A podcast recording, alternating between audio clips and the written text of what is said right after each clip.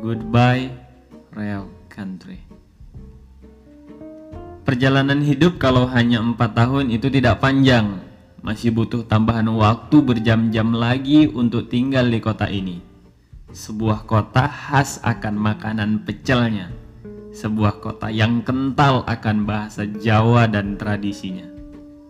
Di kota mana yang plat motornya AE? Di kota mana yang es oyen adalah favorit minumannya? Di kota mana yang jalan baru selalu ramai dengan angkringan trotoar? Di kota mana yang kolam renang buka setelah subuh hingga malam menjelang? Reok Country. Itu dia kotanya. Reok tradisi Muharraman diarak-arak ke Telaga Ngebel.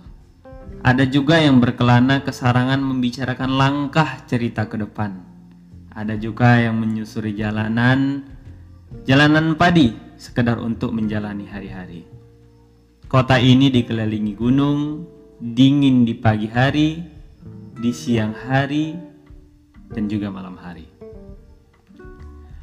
Kelak ketika aku kembali, semoga perubahanmu masih meninggalkan tempat yang pernah kulalui. Sebab mungkin dua kali lipat dari umurku aku akan kembali ke kota ini lagi. Dan pada saat itu, sangat lekat aku ingin memandangi masa laluku dulu. Sebuah masa muda yang tak memiliki apa-apa kecuali hanya kenekatan remaja mengembara. Dengan terpaksa, ada saja alasan pertemuan berakhir dengan perpisahan.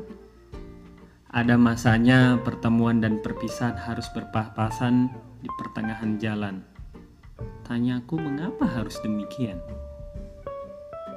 Lekat-lekat kulemparkan pandangan ke sekitar kota di balik bus panda yang terus melaju.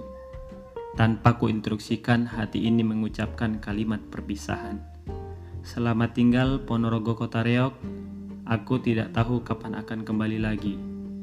Terima kasih telah menjadi bagian dari perjalanan hidup remaja miskin ini. Terima kasih. Terima kasih.